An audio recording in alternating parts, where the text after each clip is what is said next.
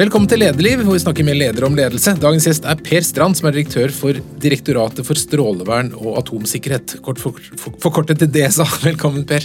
Tusen takk. Det er litt tungt eh, navn. Ja da. Vi, vi, vi har også muligheten til å si eh, strålevernet. Ja, okay. For strålevernet er ganske godt innarbeidet i, i samfunnet. Så Stortinget, når vi diskuterte vårt nye navn, så sa de ja, men dere må huske på at dere kan bruke strålevern. Mm. Ja, for. Tidligere het det Statens strålevern? det? Ja, Statens strålevern, I mange mange år.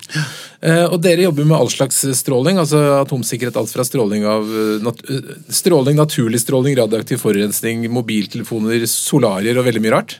Ja, vi har hele, vi har hele strålingsspekteret, Mhm. kan man si. Fra, som du sier, fra kraftledninger via mobiler, wifi til eh, bruk i røntgen. Eh, radon i hus, og selv solen vår, eh, som kan gi hudkreft, Ja. skal vi prøve å håndtere. Med reaktorer, og selv konsekvenser av bruk av atomvåpen her innenfor. Så det er ganske bredt spekter og berører hele samfunnet.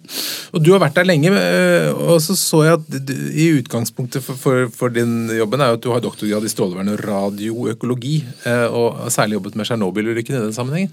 Og det, jeg tenker det er litt interessant utgangspunkt, for det at Tsjernobyl har vel formet veldig mye oppfatningen som nordmenn har om kjernekraft? Ja, det har jo Jeg tok eh, Den gangen het det hovedfag 17.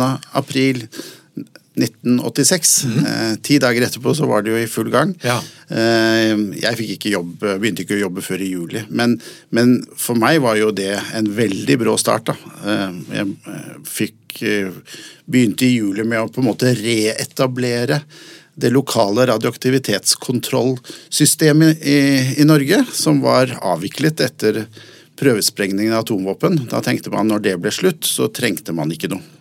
Så da var det å reetablere. Det, og det har jo betydd veldig mye for, for uh, egentlig hele hvordan vi tenker med atom, atomberedskap i, i, i dag. Så det har jo vært en utvikling, en nytenkning etter Tsjernobyl.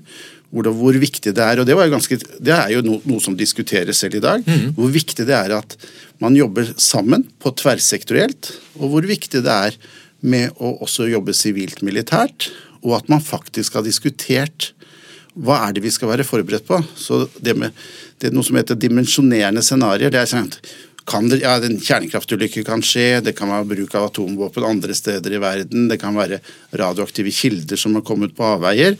Alle disse tingene skal være med på å liksom være sånn referanse for hvordan man skal bygge opp atomberedskapen. atomberedskapen. Men for de som ikke husker det så godt, altså Dette var jo en ulykke i 1986 i, det som, som, eller i Ukraina, og som førte til at vi fikk radioaktivitet i Norge. Altså, hva var det som skjedde? Hvordan skjedde ulykken? Ja, det er jo ofte disse ulykkene skjer som da man regner med ikke skal kunne skje. Eh, Det var da egentlig et kjernekraftverk, Kjernekraftverket lå jo, det var jo I den tiden var det Sovjetunionen. Det var på slutten av Sovjetunionen. Så det, eh, men det ligger, eh, lå og ligger i Ukraina, eh, mot grensen mot Russland. Det man skulle gjøre, det var å teste ut, en, teste ut eh, at eh, eh, beredskapssystemene fungerte. Slik at man kjørte, kjørte reaktoren ned, og så skulle man ta bort, uh, ta bort uh, kjølingen for å se at alt dette fungerte. Og, og det som da skjedde, var at uh, det tok litt lang tid, slik at man byttet vaktmannskap. Og så ble det plutselig behov for strøm i Kiev, og så begynte man å ordne på det. Og da var det begynte med en menneskelig svikt, og så var det noen andre som misforsto. Og så endte det med at um, det hele gikk galt. Og når det gikk galt, så gikk det virkelig galt i løpet av et sekund. Så da ble, ble, ble det for mye eh, Gikk plutselig effekten veldig opp, slik at de produserte utrolig mye energi veldig fort. Og da klarte man ikke å få bort den varmen. Så begynte nedsmelting, og så ble det eksplosjoner. Og så fortsatte det sånn, og da gikk det som skal beskytte det, som heter containment, eh, det ble sprengt. Og så visste man ikke helt hvordan man skulle få det til. Og da, da det en, tok det mange dager, da. Den var et utslipp som var over ganske mange dager. Og så fikk man egentlig ikke kontroll på det før etter en god stund etterpå. Men det var sånn, det man ser etterpå, var at det var mange, små, små, det var mange storulykker, slik at det var ulike radioaktive stoffer som ble spredt på ulike tidspunkter. Og Hvilke konsekvenser fikk det for Norge? Ja, det var jo i den, Sovjetunionen var jo ikke, kanskje ikke de som var mest åpne med å gi informasjon og sånn. Så det var faktisk på Østerås, eh, altså i Norge. Vi Hos målte- dere? Hos, ja, hos dere, ja. Da, da, akkurat da var ikke jeg der. Men, men- men men- På Strålevernet. Ja.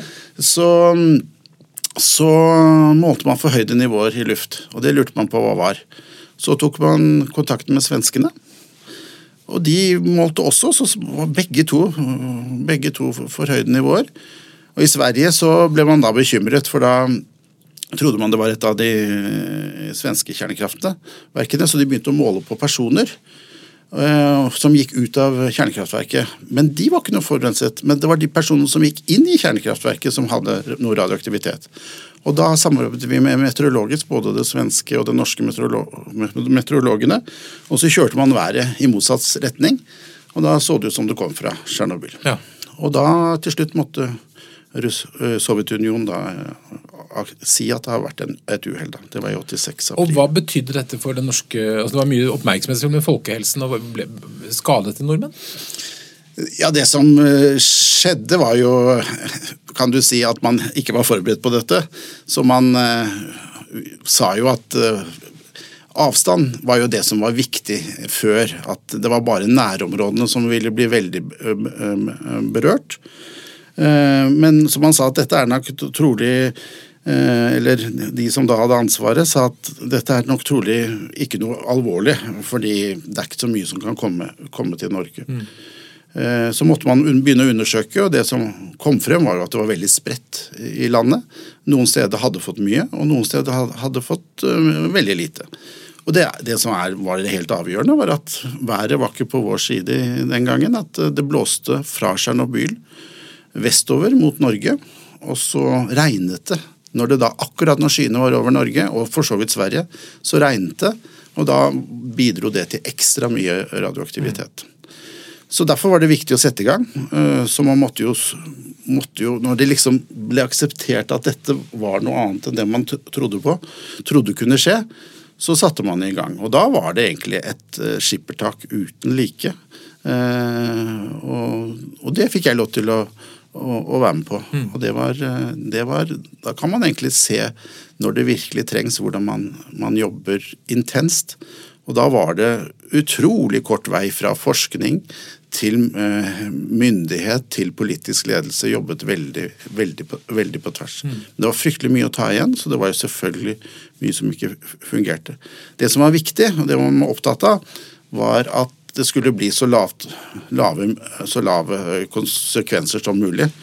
Eh, og til å begynne med var det jo for så vidt eh, den strålingen fra skyen eller fra bakken. Eh, Det var det ikke så mye man kunne gjøre med etter noen uker. For det, for, for. Og det er jo positivt, det forsvinner jo. Eh, Men da var det hovedsakelig maten. Så det ble satt i gang betydelig arbeid for å få maten til å ha lave nivåer under grenseverdiene. Og det klarte man, eh, og det bidro jo til at det, det ble veldig mye redu, reduserte effekter av det. Så man brukte en del ressurser på det, men det, man fikk igjen veldig mye mer ved at man unngikk eh, helsekonsekvenser. Så Vet vi at ingen nordmenn ble skadet av det? Nei, altså, eh, altså stråling det er, jo, det er litt utfordringene med kommunikasjon. Da, at all stråling medfører noe forhøyet risiko. Men den risikoen var, var eh, med de tiltakene som er iverksatt på den generelle befolkningen, og spesielt på den delen av befolkningen som hadde høyt inntak av radioaktivitet. Der, der fikk man en betydelig redusert helserisiko, og det var veldig bra. Det var veldig viktig. Og det var jo folk som levde og det er litt paradoks, da. De som levde av naturprodukter, ikke sant? De som, eh, som fra skog og, og fjell og reinsdyr og øh, geiter på, eller, og sauer på mm. fjellbeite eller naturlig beite og, og ferskvannsfisk til å begynne med, de fikk jo da egne kostholdsråd og, og ble håndtert. mens og fikk da den største reduksjonen av, av risiko. Så den var, det var veldig viktig å få til. Eh, så det er, er egentlig Det ble, det ble håndtert. Det, ble, det blir alltid noen konsekvenser, men med, men med stråling så kan du ikke si at de den kreften kommer fra stråling. Altså Kreft er kreft, uansett hvem vil, hva som har initiert det. Så det er summen av alt du har Ja, det er summen av alt. Ja. Så det, det man så i, i Sovjetunionen, da, var at man gjorde ikke noe tiltak når det gjaldt melken. Slik at man drakk melk. Og da var det mange tusen barn som fikk skjoldbrukskjertelkreft. skjoldbruskkjertelkreft. Eh, Og det er en kreftform som er helt uvanlig eh, hos barn. Så da var det veldig lett å se at den måtte, måtte skyldes eh, Tsjernobyl-ulykken. Men hvor lenge hadde vi spor i Norge av denne, disse utslippene? Fins det fortsatt? Det fins fortsatt, så de er der. Eh, eh, vi har, ja, som jeg sa, pga. at vi produserer en del mat i utmarken, så må vi fortsatt ha tiltak. Og det er Det er, har gått mange år. Men eh, det kan hende at, at man får forhøyde nivåer i sau på, på fjellbeite eller utmark. Spesielt når det er mye sopp. Sopp tar opp en del radioaktivitet. Når sauen spiser sopp, så må det gjennom de tiltaksprogrammene som man har, og som Mattilsynet har. Og, og det skjer fortsatt, men nå er det nesten rutine. Så, men det er, det er merkelig. Vi har fortsatt områder i Norge som har som man kan måle, øh, måle radioaktivitet. Var på seiltur i Hellas da ulykken skjedde. så Det var jo litt, litt annet mediebilde en gang. Vi kom inn til havn, og så pekte folk på norske flagget og sa Norvegia. Radioaktiv, radioaktiv, Tsjernobyl, Tsjernobyl. Vi hadde aldri hørt ordet Tsjernobyl. Lurte på disse tullingene drev og prata med, men det var åpenbart stor oppmerksomhet rundt at det gikk sky mot Norge da. Men hvilken, hvilken oppfatning, eller hvilken grad tror du den ulykken har vært med på å forme nordmenns oppfatning av atomkraft og stråling og sånn generelt? Den har jo vært med på det. Samme som egentlig Three Island og Kina-syndrom og, og etterpå Fukushima. Uh, selvfølgelig påvirker den. Uh, vi, det var jo, som du sier eh, det, Stråling har Det er mye følelse med stråling. uh, og det er eh, veldig viktig å kommunisere eh, risiko. Men, men eh, pga. den første håndteringen etter Tsjernobyl-ulykken, så var jo tillitene veldig minimale i forhold til, til myndighetene. Eh, og det var jo viktig å bygge opp, opp den. Så den, De største kostnadene ved Tsjernobyl-ulykken var, var eh, altså økonomiske kostnader var at folk eh, stoppet å, å kjøpe den maten som, som var, var forurenset. Eh, Derfor var det jo veldig viktig å få til de programmene som gjør at maten Man bør ikke tenke på hvilken mat man, man kjøper i, i butikken. Det var jo det var et tematikk den gangen. Så da var det jo viktig å, å bygge opp det programmet og bygge opp det. Og så var det jo ble det jo en ganske god forståelse fra at, at man egentlig ikke trodde på, trodde på myndighetene. Så gjennom de langsiktige arbeidet med Tsjernobyl, men også nå i senere tid, så har man bygget opp igjen tilliten. Og så var det jo dette med samhold, da. Altså, man, man så jo at det, man så klart at eh, radioaktiv forurensning har jo selvfølgelig kan ha helsekonsekvenser, men det har også effekt med Og helsekonsekvenser er jo også mental helse, og at man er bekymret og den delen. Så det er viktig å, å få en forståelse av hva, hva konsekvensene er, og hva de ikke er. Men så er det jo også at, eh, og det så man egentlig litt under koronaepidemien òg, det, det, det treffer ulikt. Så også som egentlig vi så i, etter korona, så, så, lærte vi jo hvor viktig det var å, å, å, se til de delene av befolkningen som er mest utsatt. Og etter Tsjernobyl så var det jo de som drev med jakt og fiske, og spesielt da de som drev med reindriften og reindriftssamene. Mm. Så der måtte man inn og gjøre helt spesielle tiltak. Men det ble akseptert, og så var det nettopp dette med barn og unge også. Så bekymringen gikk ganske raskt ned, og det var en betydelig tillit. Og det har jo vært viktig, da. Læringspunkter for, for den fremtidige beredskapen og den beredskapen vi har i dag. Og nå har vi det siste året hatt krig i Ukraina, og det har vært en del mennesker er redd for at det skal kunne utvikles til atomkrig også der. Det, har det påvirket hverdagen deres noe? Ukraina påvirker selvfølgelig hverdagen i betydelig grad. Det var, det, det var, jo Vi har jo siden 2014, da eh, Russland gikk og, og annekterte Krim og, og, egentlig begynte den, den krigen, eh, så har jo dette med atomsikkerhet vært veldig et tema som Norge har samarbeidet veldig med Ukraina. Så vi var jo veldig godt inne i det og jobbet på, på alle disse anleggene. Og har en samarbeid med, med ukrainerne. Slik at vi så jo den utfordringen det var. altså Selv før invasjonen så var man veldig opptatt av sikringen av Zaporizjzja, altså fordi det var jo det var, ikke, det var for så vidt krigshandlinger ikke så langt unna. Men det som skjedde med fullskala invasjonen, der man i de første dagene overtok Tsjernobyl-anlegget, og Tsjernobyl-anlegget, som, som, det var utslipp, mm. det var mye forurensning rundt. Det er mye brukt brensel der.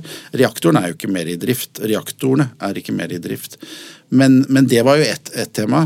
Og det andre temaet var jo når det sto på under Zaporizjzja. Da, mm. da var det i Norge full, full beredskap eh, om den natten så eh, var det da Strålevernet og det, altså DSA oppe og gikk, eh, og hadde løpende kontakt og gjorde prognoser for hva dette ville si.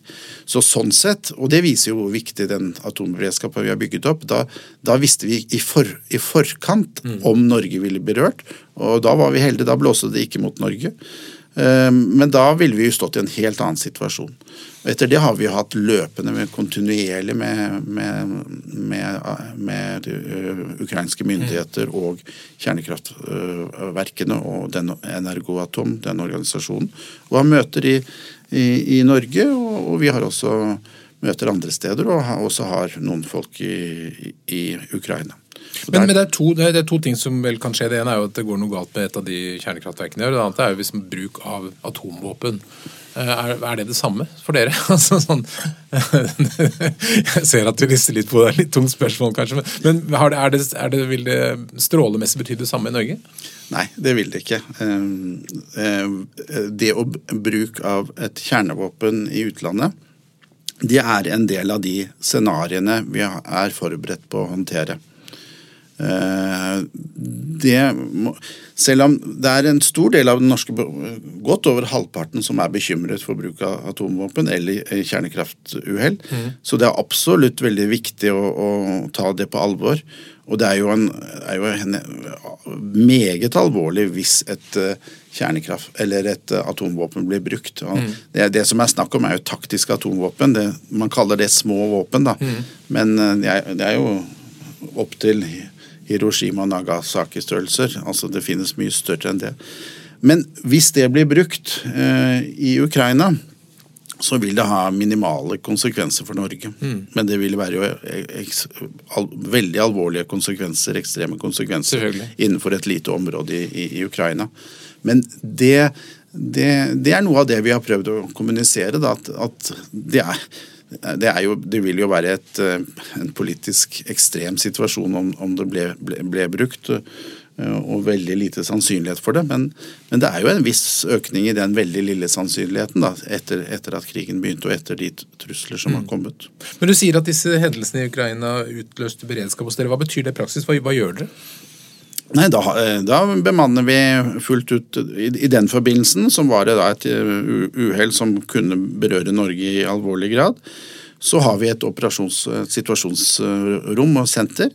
Eh, fordi kriseutvalget det er noe som er delegert fra fullmakter og et statlig organ som er tverrsektorielt, sivilt-militært, og har representanter som kan møtes på kort varsel, men det er også et sekretariat. og direktor, altså Det er sekretariat for det. Mm.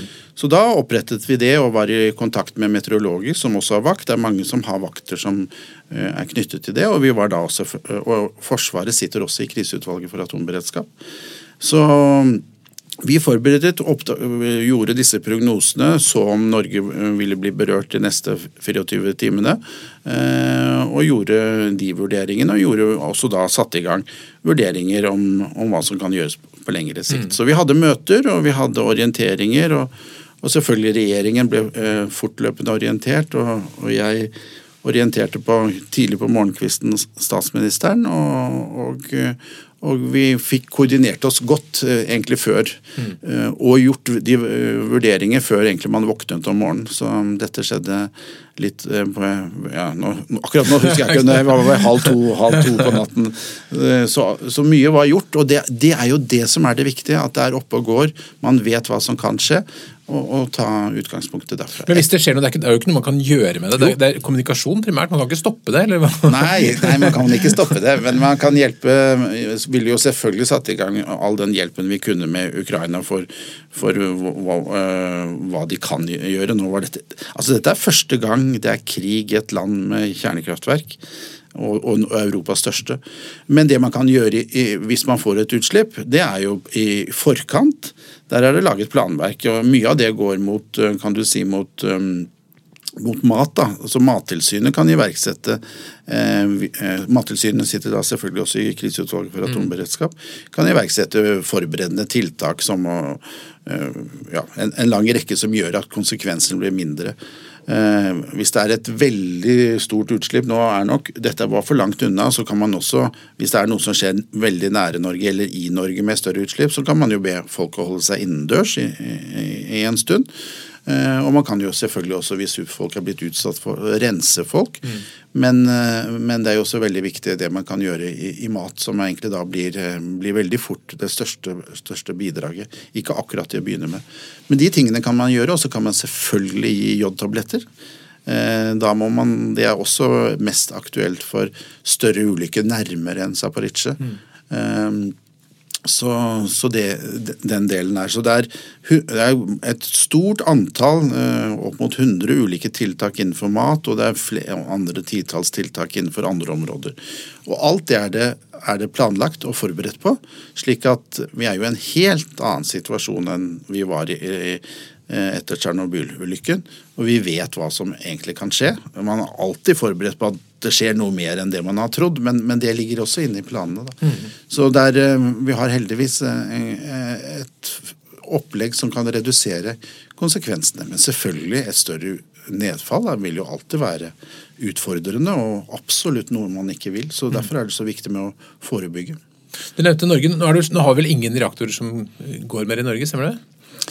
Uh, ja, det, det, det, stemmer det på den måten at vi har det er, Institutt for energiteknikk har hatt fire reaktorer. Um, og tre av dem er, er, er uh, kjørt ned og brenselet tatt ut. Halden-reaktoren er i en sånn mellomfase. Der forbereder man å ta ut brenselet, men den blir jo ikke kjørt. Den er også uh, ned shutdown, som det heter på godt mm. norsk. Uh, men så formelt så er den fortsatt uh, fortsatt i en egen status enn de andre. Mm. Men vi har, jo, vi har jo besøk av reaktorer. Og Strålevernet er jo også myndighet F.eks. det store krigsskipet som er ja, Hangarskipet? Ja. ja. Det var jo en betydelig forberedelse i forkant. Mm. Nettopp med å forberede både overvåkning, slik at dersom Det er jo, det er jo en veldig god track record på, på, på den altså allierte uh, nukleære fartøyer. Men, eh, men, man skal alltid være forberedt, så vi, overvåkning og målinger forberedet vi. Og sammen med statsforvalter og kommune forberedte man også beredskapen noe av dette måtte jo skje før det var offentlig, eh, men selvfølgelig det var jobbet i mange måneder før det, det skipet kom til, mm. til, Oslo. Ellers så har vi da et, en flere anløp av reaktordrevne fartøyer. hovedsakelig da uh, ubåter. Mm. Uh, reaktordrevne ubåter. Både til Bergen, og så etablerte de jo en, en ny havn nå i, i nærheten av, av Tromsø det er jo delvis pga. den sikkerhetspolitiske situasjonen. Så det er jo en, en, også en annen konsekvens av Ukraina. At man krigen i Ukraina, at man får flere av den type besøker. Så, så selv om vi legger ned i Halden, så er vi ikke ferdig med kjernekraft på, i norske territorier? Nei, og det å legge ned Og, og, og, og så er strålingen der fortsatt en stund. Ja, da, da, vi skal jo ta vare på det brukte atombrenselet. Mm. Så det er jo en, en større arbeid som pågår nå. Avvikle den nukleære sektoren. Det vil ta titalls år og koste betydelige summer. Ja, Det var noe voldsomt mange milliarder? Ja, det, det er litt usikkert hvor mange, men en, i overkant av 20 milliarder. Men det er jo over mange år, da. Og det er jo øh, altså jeg, skjønte, jeg leste når vi forberedte dette at Norge var ganske tidlig ute med atomreaktorer. Vi var blant nummer seks i verden, jeg leste et sted. Det, det overrasket meg. Men så har vi avsluttet det. Er det da sånn at vi har liksom radioaktivt avfall liggende fra, helt fra 50-tallet? Ja da. Norge var tidlig ute, og Norge var ganske ganske gode på det og utviklet det. Så var det jo det du nevnte Three Mile Island. Det var en, Og oljen i Nordsjøen var jo en av grunnene til at man egentlig bestemte seg for ikke å ha kjernekraft i, i Norge. Mm. Men, men, det brenselet er der. Brenselet, alle disse reaktorene har altså atombrensel som vi må ta godt vare på. Hva er planen? Hva skal vi gjøre med det? Det er, eh, regjeringen har jo oppnevnt et, eh, et, eh, norsk nukleær dekommisjonering som vil få være operatør for, for det langsiktige. Men for, akkurat nå er det Institutt for energiteknikk som har, har, ansvaret for det. Så det er det for først å få det i en god uh, tilstand. Uh, noe av det er gammelt noe, og må gjøres noe med. og det, det har vi pålagt Institutt for energiteknikk å gjøre, og få det trygt og forsvarlig. Og så er det jo å finne et sted eh, å lagre det sannsynligvis på mellom, mellom, i, i, noen titalls år. Og så er det å bygge et det, det, som mange land gjør, men det er også en del som må utredes og vurderes. Men det er å få et sånn dypt eh, geologisk deponi mm. kan være en, en mulighet. Ellers så er det også noen andre muligheter. Det er også snakk om noe øh, reprosessering til Eh, sende det til f.eks. Frankrike for reprosessering. Mm. Men dette er jo der, er jo der er det jo egentlig de som har ansvaret for det. altså Institutt for energiteknikk eller Norsk nukleær dekommisjonering som skal vurdere det. og det, det, Den vurderingen jobber de med. Og så skal vi se på om, om det er trygt og sikkert og, mm. og forsvarlig. Eh, så men, den prosessen pågår nå og er stor. Når reaktoren til slutt stopper, da, så, så har vi jo hatt da, atomreaktor i Norge i 70 år eller et eller annet sånt. Hva har vi, kanskje mer. Hva, hva har vi hatt igjen for det? Eh, jeg vil ikke være den som eh, vurderer det helt og holdent. Men det er blitt gjort vurderinger. altså Dette er litt utenfor vårt, vårt område, men det er jo blitt gjort vurderinger at, eh, at det har vært en viktig element for olje- og gassindustrien. Det, reaktoren har produsert medisiner mm. og, og, og, og, isotoper som blir brukt innenfor medisinen. Så det finnes noen vurderinger knyttet til det som for så vidt tilsier at eh, det har vært et viktig, viktig element. Men dette er litt utenfor mitt, eh, mitt ansvarsområde. Men som du var inne på med, med dekommisjonering, altså når man jobber med stråling, så er det man må tenke ganske langt. Det, det, er, det er, ikke snakk om uker og måneder, det er tiår dere snakker om? Ja, nei, For å være helt ærlig så er det 100 000 år og millioner år. Ja. For det skal jo, det, du skal jo på en måte og der har man jo i mange land, inkludert Norge, da, kanskje ikke tenkt så veldig mye på hvordan avfallet skal håndteres, eh, og hvordan skal det finansieres. Eh, og der har jo foregangslandene har jo vært Sverige og Finland. Eh, som da på en måte i det, i det man bygde opp kjernekraftindustrien, i hvert fall for, i Sverige, så påla man den en avgift slik at man samlet penger for å kunne håndtere avfallet senere. Og så har man jobbet eh, ganske aktivt med å utvikle hva, hvor skal det skje osv. Så, videre. så nå er jo Finland i gang med å, med å bygge et av verdens første eh, deponier for eh, atombrensel, og det samme er Sverige. Så det har jo vært den tematikken som har vært mye diskutert, og som det er veldig viktig å ha på plass. Og så begynner jo flere og flere å snakke om at nå må vi få kjernekraft for vi skal løse klimaproblemene. At det Slutte med fossilt brennstoff og få et kjernekraftanlegg. Kommer vi til å få det i Norge med innen rimelig tid, tror du? Det vet jeg ikke. Det er, det er, det er politisk valg, selvfølgelig. Det politisk men, det er vel ikke bare bare å vri om nøkkelen og starte et altså, det, det, tar tid å bygge altså, hvor, hvor, realistisk er det å få opp et kjernekraftverk innen kort tid? Ja, dersom det blir bestemt politisk, eller blir bestemt at vi skal ha kjernekraft i, Norge, så vil det jo være vårt vi ville da jobbe, med, jobbe, for å påse at det blir sikkert, trygt og, og forsvarlig. Og det er jo egentlig vår, vår rolle. Du skal slippe å ta stilling til om vi bør ha det, for det er ikke du som bestemmer. Men hvis man skulle ha det, hvor lang tid tar det å få opp et kjernekraftverk? Ja, altså, nå er det det, tar, det, det er ingen quick fix. Det, det, er, det, er, viktig å få frem. For det skal, det skal, være sikkert, det skal være trygt og det skal være forsvarlig. Og man må ha uh, løsninger på avfallet. Mm. Så, så det, tar, det tar år. Eh, og så eh, og så må det jo utredninger til, og så må det eh, bygges. Og så er det nå diskusjoner kan du si, som på en måte blir fremhevet som noe som kan gå raskere. Dette er disse små modulære reaktorene. Som i mange land ser på som en, en, en mulighet til å forenkle ting osv. Mm. Så det følger vi veldig, veldig nøye. Eh, det er veldig mange ulike, ulike mm, prosjekter som pågår der, og mange ulike metoder og måter å gjøre det på. Så det, det er på ingen måte helt i mål. Så, så det, det, vil også ta noen år. Mm. Hvordan er strømningen internasjonalt? Blir, blir kjernekraft sett på som løsningen på klimaproblemene mange steder?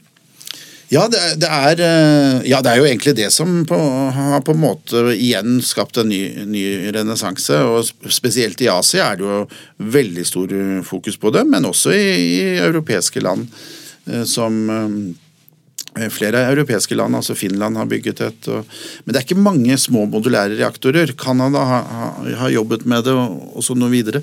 Men, men, det er absolutt det er en tematikk som eh, Og en, en knyttet opp mot klimaendringene som, som er eh, veldig i, i internasjonalt. Og det er jo også da flere internasjonale aktiviteter som er iverksatt for å egentlig forberede det. Mm. Men det, er, det tar lang tid. Eh, og, um, og, det er mye som skal være på plass, og det tror jeg er viktig. Eh, og det, det, det har vel vi sett som en, uh, viktig at vi formidler og, og, gir råd om hva som må på plass, og hva, at det tar, tar litt tid. Så, mm. så, men igjen, dette er egentlig dette er en, Også i henhold til lovverket så er det en, en politisk beslutning. Så vi kan ikke se for oss noe på veldig kort sikt i hvert fall? nei, det, nei, det må i hvert fall være en vurdering, og det, det, ligger, det har ikke jeg noen kunnskaper om. Uh, vurdering om, om, Norge vil det. Mm. Så får vi ta det derfra. Jeg, jeg, kan ikke gi deg noe tall på dette. Men du har vært eh, toppsjef nå. Du har først vært avdelingsdirektør i mange mange år, og så ble du toppsjef i Strålevernet for tre år siden. Var det stor forskjell fra å være liksom en, en, av mange ledere til å være lederen? Eh, ja, det, ja og nei. Uh, Eh, nå har jeg også jobbet noen andre steder, eh, og jobbet ganske mye internasjonalt eh, med å lede internasjonale prosjekter. Bl.a. for å vurdere Fukushima og hva man kan gjøre med det, og, og også i, i det. Egentlig er det jo veldig mye Det er jo mange av de samme elementene, eh, men det er bare Du kan kanskje vektlegge ulike elementer forskjellig når du er eh, Spesielt når du leder stort internasjonale prosjekter med utrolig mange ulike nasjonaliteter, eller bare leder japanere og sånt. Det, det kan være utfordrende. Og det er litt ulike, må, det er ulike steder man må trykke på, men, men sånn generelt, hvis man, hvis man er åpen og, og har litt entusiasme og, og som kanskje er litt ikke helt alle er enig i, men at du også har en faglig kunnskap om det du skal lede, så har det egentlig vært eh, oppskriften all, innenfor alle disse områdene. Så, sånn sett så er det, er det, ikke så stor forskjell, men så er det også det er noe annet når du er øverste leder. Så det er, det er litt annen forskjell allikevel. Ja, også, også dere, jo, dere er jo 140 mennesker eh, cirka, og dere jobber med veldig mange forskjellige ting. for Noen jobber med de tingene vi har snakket om nå, og så er det noe som med radon og solarier. og Det er mange forskjellige. Det er liksom klare å skape et fellesskap på tvers av det. Hvordan, hvordan gjør du det? Nei, det, det, er jo nettopp å, å, vise Altså, vi jobber med stråling. Vi har et samfunnsoppdrag som det er viktig at alle fører ansvar for. Du kan kanskje jobbe mye med ett spesifikk ting, men, men, du har Det er en del for å løse det totale samfunnsoppdraget. Og det er jo stråling, og at man skal minst mulig negative effekter av, av, av stråling. Mm. Selvfølgelig kan man få positive effekter, men man må hele tiden påse at hvis det er nyttig at man trenger stråling, f.eks. i altså røntgen, det, det, det, er nyttig fordi da kan man helbrede, men det, men det er også da veldig viktig at man ikke har for mye stråling knyttet til det. Så Det er nettopp det å knytte det opp mot, at, mot samfunnsoppdraget. Og så har vi jo, altså vi er jo en, en beredskapsorganisasjon, og det har vist seg å vært veldig viktig at man har noe som alle er med på, og alle er aktive. Så når det blir f.eks. Fukushima, Eh, å ha en oppegående beredskapssituasjon med mange mange mennesker, det, det, er ikke så ofte det skjer atomhendelser. Selv om det skjer flere ganger i året, noe man må håndtere. Men da at man har alle sammen og jobber om de samme tingene. At man har noe felles. Altså samfunnsoppdrag, stråling, kunnskap om stråling og, og beredskap. Og at alle bidrar til det. Det bygger i hvert fall en, en, en felles, felles, følelse. At vi egentlig alle er strålevernere. Mm. Det, det, er viktig, og vi er et vi. Eh, så det å ha noe felles, og noe man er veldig god på. Så jeg, jeg, det er selvfølgelig utfordrende. Det er kanskje det som har vært mye utfordrende, eller det er jo om Vi har jo vært et Vi har gått fra et institutt til en fagmyndighet. Og den prosessen har jo også vært viktig å få alle med på. Det er litt vanskelig fra utsiden å forstå hva som er forskjellen. Hva, Et institutt driver mye forskning, ja. eh, og en fag, fagmyndighet forvalter et lovverk og et regelverk og skal påse at det er trygt og sikkert. Mm. Eh, det er veldig viktig at den fagmyndigheten har eh, kompetanse og kunnskap om det de gjør. Men, men man, skal ikke, man, skal ikke, drifte eller man skal ikke utvikle ny kunnskap, som forskning gjør med publiseringer og sånt. Vi har egentlig gjort begge deler, men vi har nå klart å, å samle på en måte å få en felles forståelse der. Så igjen, en, en åpenhet og, og, en nysgjerrighet eh, og det faglige. Og igjen, det faglige ligger da i felles for alle de som jobber da i, på Strålevernet. Men det å bli toppleder, er det noe som du har drømt om hele livet? Nei, det tror jeg ikke at jeg har drømt om hele livet. Nei, det har jeg ikke. Eh, men jeg, jeg, liker jo Jeg liker å få til ting. Og jeg liker å samarbeide med folk. Mm. Og eh, du får jo noen ganger testet deg. Jeg har jo, jeg har jo hatt Det begynte faktisk med altså Etter Tsjernobyl så ble det jo Da beveget man seg jo fra universiteter opp til statsråder og depperåder, Og som en nyutdannet så fikk jeg jo brått følelsen av at um, plutselig ble man satt i veldig mye veldig fort. Men så begynte man jo også å lede prosjekter, og spesielt EU-prosjekter. Det var egentlig da jeg da tenkte at å få til samarbeid mellom folk med ulike faglige bakgrunner, mm. og, e, og, og, og, få dem til å lede og bli ledet, og lede dem, det syns jeg var spennende. Jeg, Hva er nøkkelen til å lykkes med å få forskjellige folk til å jobbe sammen? Nei, Det er egentlig det jeg nevnte. da. Jeg, tror det å være åpen øh, og, og, være ærlig øh, er en veldig viktig del. At, liksom innrømme at her kan det være utfordringer, her kan vi ha uh, uenigheter. Men også vise en viss entusiasme. da. Og så er det at i hvert fall det jeg har klart meg ofte på, er at man også har det faglige. I hvert fall det, selvfølgelig har du ikke detaljkunnskaper om alt, men du har en, i hvert fall en, en viss faglighet. Så, så, så, selv med tverrfaglige samarbeider, så, så er, det, er, det, en viktig del. Mm. Hvordan vil du at folk skal oppleve deg som leder, da, når du leder et team eller, og som leder på Strålevernet? Nei, Jeg håper de det er Igjen det at de, de, det jeg sier, det er det er det jeg mener. Mm. Uh, og at jeg sier også når ting er eh, utfordrende og vanskelig. Uh, og så håper jeg de oppfatter meg som jeg syns det er spennende å jobbe med dem, da. Og det er det. det er viktig at du viser at de ja. føler at du verdsetter deres kompetanse? Ja, og verdsetter dem generelt. Og det kan man alltid bli flinkere med. Jeg tenker jo at det er jo så soleklart at de skjønner at de er veldig flinke, men man må fortelle dem det av og til òg, da. Mm. Så det, det er, er, viktig å gi tilbake. Hvordan liker du det? Er du mye rundt omkring, eller skriver du mye mailer, eller hvordan er det? Ja, der, er jeg, der syns jeg det er Der slet jeg under pandemien, da. For jeg overtok midt under pandemien. Og jeg har jo alltid likt å gå rundt. Eh, altså walking by management, og, mm, mm. og se dem og treffe dem. Så der er jeg en sånn, nå er jeg en prosess med å prøve å få til at jeg likevel kan gjøre det, selv om folk ikke alltid er, er, på, er på, kontoret. Mm. Så det er, jeg er litt sånn gammeldags der. Da. Jeg, du liker å ha Jeg liker å se rundt. dem rundt dem og snakke med dem. Og det er utrolig hva man får til i løpet av en kaffekopp. Mm. Og det gjelder jo også internasjonalt. Vi, øh, vi, jobber jo veldig, jeg jobber også fortsatt internasjonalt. Men hvor vanskelig det er å få til ting når du ikke kan møtes, altså store internasjonale forhandlingsmøter. Den der kaffekoppen, den praten i korridoren. Det er noe av det samme jeg sier med walking by management. Mm. Der, da kan du løse mye, mange ting som du ellers kan bli et stort problem når man sitter på skjermen og skal ha formelle samtaler hele tiden. Så du har ikke tro på de rene digitale møteplassene?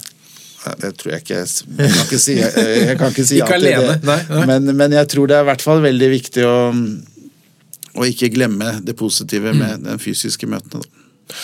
I, I, kommunikasjonen deres med, med, samfunnet og befolkningen så eh, er det en utfordring at folk tenker at alt er så skummelt og farlig. og så er det vel kanskje nettopp uh, si, solarium og radon hjemme som er mer farlig enn atomkrig. Eller, Altså, det er vanskelig å sette proporsjoner på ting. Er det en utfordring? Ja, det er for så vidt en, ja, det er en utfordring. Mm. Altså, jeg vil nå si at en atomkrig er farligere enn solarium ja. hvis det skjer. Bare for at uh, Plassere det riktig, ja. men, men, det er jo veldig viktig å jobbe for forebygging. Mm. Uh, og, og, og, der er det litt sånn uh, Der kan du si det er Det kan være vanskelig, og noen ganger er det vanskelig. Og, men det må man ta på alvor. Altså, man må ta på alvor at folk er mer bekymret for mobiltelefonen sin mm. enn radioen i huset. Eh, og Da må man prøve å forklare forskjellene på, på det. da. Og da, det er det som du sier, i hvert fall med de to tingene, mm. så er eh, mobiltelefonen langt mindre altså den er, eh, Det er jo ikke Altså alt det elektromagnetiske ligger under tiltaksgrenser osv. Så, videre. uh, så det er, det er trygt. Mens radioen i hus, hvis du bor på et sted der du har høy forekomst og huset ditt er slik at det er høye nivåer, det, det medfører konsekvenser. og mm og radon i hus fortsatt eh, Nå jobber vi aktivt for å få ned det, da, men fortsatt er det pga. radon, eh, og der radon bidrar til økt risiko, så er det 300, ca. 3, litt over, eh, nordmenn som dør i året pga. det. Er det si, det området som folk i, i størst grad bør være mer bevisst på? Eller er det andre stråleting vi burde passe mer på? Det kommer an på hva du gjør og hvor du jobber. Mm. Og det, men, men, for den generelt så er radon og solarium og, og, og, Ikke bare solarium, altså solstråling å gjøre eh, Smøre seg. altså Det er jo tilsvarende antall eh, nordmenn som dør pga. Eh, UV-stråling. Mm. Eh, så det, det, er viktig. Men det, folk begynner å bli flinke til det. Så det går i riktig, riktig retning. Det, det, det, smøres godt. Ja. eh, men det må man minne på hele tiden, og det er forebygging mm. for å unngå. Eh, og det andre er radon. Eh, at um, folk må måle. Der har det vært en fin progresjon de senere årene. Nå ser vi at det flater litt ut. Det vi, holder vi på med å finne ut hvorfor, eh, og så må vi finne en ny eh, strategi for det. Mm. Men det som er fint, er at begge, eh, både mm, UV-strategi og radon, radonstrategien, er løftet på, på nasjonalt nivå. For nettopp, selv om vi kan stråling, så må vi jobbe med andre deler av samfunnet for å få til å lykkes. Mm. Og det gjelder begge deler.